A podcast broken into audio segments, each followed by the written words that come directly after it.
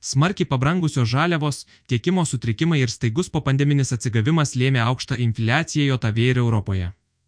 Tai gerokai apkarpė gyventojų santaupų vertę ir realiasias pajamas, bet tuo pačiu metu suteikė netikėtą finansinį impulsą verslui. Iki šiol tai gelbėjo darbo rinką ir palaikė aukštą užimtumo lygį. Ko nenumatė ekonomistai ir kas laukia toliau? Netikėtas darbo rinkos atsparumas. Smarkiai pabrangę energijos ištekliai ir kitos žaliavos lėmė sulėtėjusį ekonominį aktyvumą, o Europos ekonomika praėjusią žiemą iš tiesų flirtavo su recesija.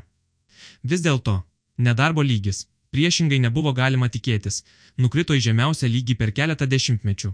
Netikėtas darbo rinkos atsparumas nustebino daugelį analitikų ir ekonominės politikos formuotojų. Darbo rinkos atsparumą galima paaiškinti įvairiais veiksniais, tarp kurių vėluojantis paslaugų sektoriaus atsigavimas. Dėl visuomenės senėjimo susidarė struktūrinis darbo jėgos trūkumas ir įmonių dėlsimas atsisakyti darbuotojų, nes Europos šalyse tai yra brangu, o patirtis per pandemiją parodė, kad atleistus darbuotojus nėra lengva susigražinti. Tačiau tikėtina, kad stipriai darbo rinkai reikšmingos įtakos turėjo ir didelė infliacija bei mažėjusi reali darbo kaina - vartotojams perkeltos sąnaudos. Energijos kainų šoko aplinkoje įmonėms dažnu atveju pavyko visą sąnaudų padidėjimą perkelti galutiniam vartotojui. Tiek Tarptautinio valiutos fondo, tiek Europos centrinio banko tyrimai rodo, kad pernai vidutinės įmonių pelno maržos buvo stabilios ar net padidėjo. Tai reiškia, kad esant itin sparčiam nominalaus BVP augimui. Eurozonoje pelnui tenkanti BVP dalis augo net 8,5 procentų aukštos kainos ir didėjusios įmonių pajamos lėmė sumažėjusią realią skolos ir darbo sąnaudų naštą. Nors ekonominis aktyvumas sulėtėjo daugelį Europos šalių, o vartojimas krito tai reiškia, kad reikėjo mažiau darbuotojų patenkinti paklausai, nedarbo lygis nepakilo. Jei laikysimės prielaidos, kad įmonės sprendimus dėl darbuotojų priiminėja pirmiausia atsižvelgdamos į savo finansinius rezultatus, tai neturėtų per daug stebinti. Kai įmonių finansiniai rezultatai gerėja ir jos mato rekordinės pajamas, argumentų, kurie pagrįstų taupimo priemonės ir personalo mažinimą, nėra daug. Tokiais atvejais įmonės ne tik nemažina darbuotojų skaičiaus, bet dažnai toliau samdo tikėdamosi dar labiau padidinti savo veiklos apimtis ir pajamas. Be to, atlyginimams augant lėčiau nei įmonių pajamoms, reali darbo kaina sumažėja, o tai įmonėms taip pat leidžia išplėsti darbuotojų gretas. Kainų kritimas įsibėgėja. Tokia situacija nesitęs ilgai. Vis daugiau įmonių susiduria su krentančiomis kainomis. Labiausiai tai pastebima sektoriuose, dirbančiuose su žaliavomis ir prekių gamyba.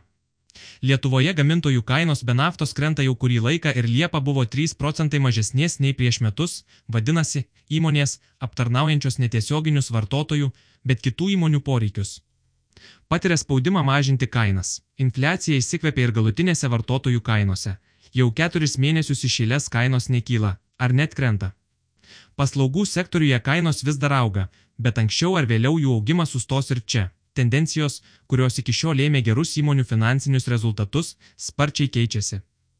Pardavimų apimtys nebeauga ar netraukiasi, o kainų didėjimas baigėsi. Be to, darbuotojai bando kompensuoti perkamosios galios praradimus dėrėdamiesi dėl tolesnio atlyginimų kelimo, reali darbo kaina vėl pradėjo aukti. Įmonės turės optimizuoti veiklą. Aukštos skolinimosi palūkanos ir didėjantis darbuotojų atlyginimo lūkesčiai toliau augina įmonių sąnaudas. Esant tokiai situacijai, pasiekti pajamų ir pelno tikslus įmonėms taps vis sudėtingiau. Tai neišvengiamai prives prie sąnaudų optimizavimo ir galimo darbuotojų atleidimo. Tiesa, čia irgi reikia atsižvelgti į kelis niuansus. Viena vertus, vėl pradėjusi aukti gyventojų perkamoji gale didins vidaus paklausą ir vartojimas turėtų atsigauti. Kita vertus, eksportuojančias įmonės labiau veiks pajamų praradimai dėl krentančių eksporto kainų ir poreikis optimizuoti savo veiklą. Tampa vis labiau tikėtina, kad infliacijos pabaiga atneš ne tik atokvėpį namų ūkių finansams, bet ir padidins nedarbo lygį. Apibendrinus, aukšta infliacija ne tik atsiliepė vartotojų piniginėms, bet ir leido kuriam laikui sukurti spartaus augimo iliuziją ir užmaskuoti kai kurių įmonių finansinės problemas. Jei atslūgus, gali tekti susidurti ne tik su palengvėjimu, bet ir būtinybė imti sunkių sprendimų.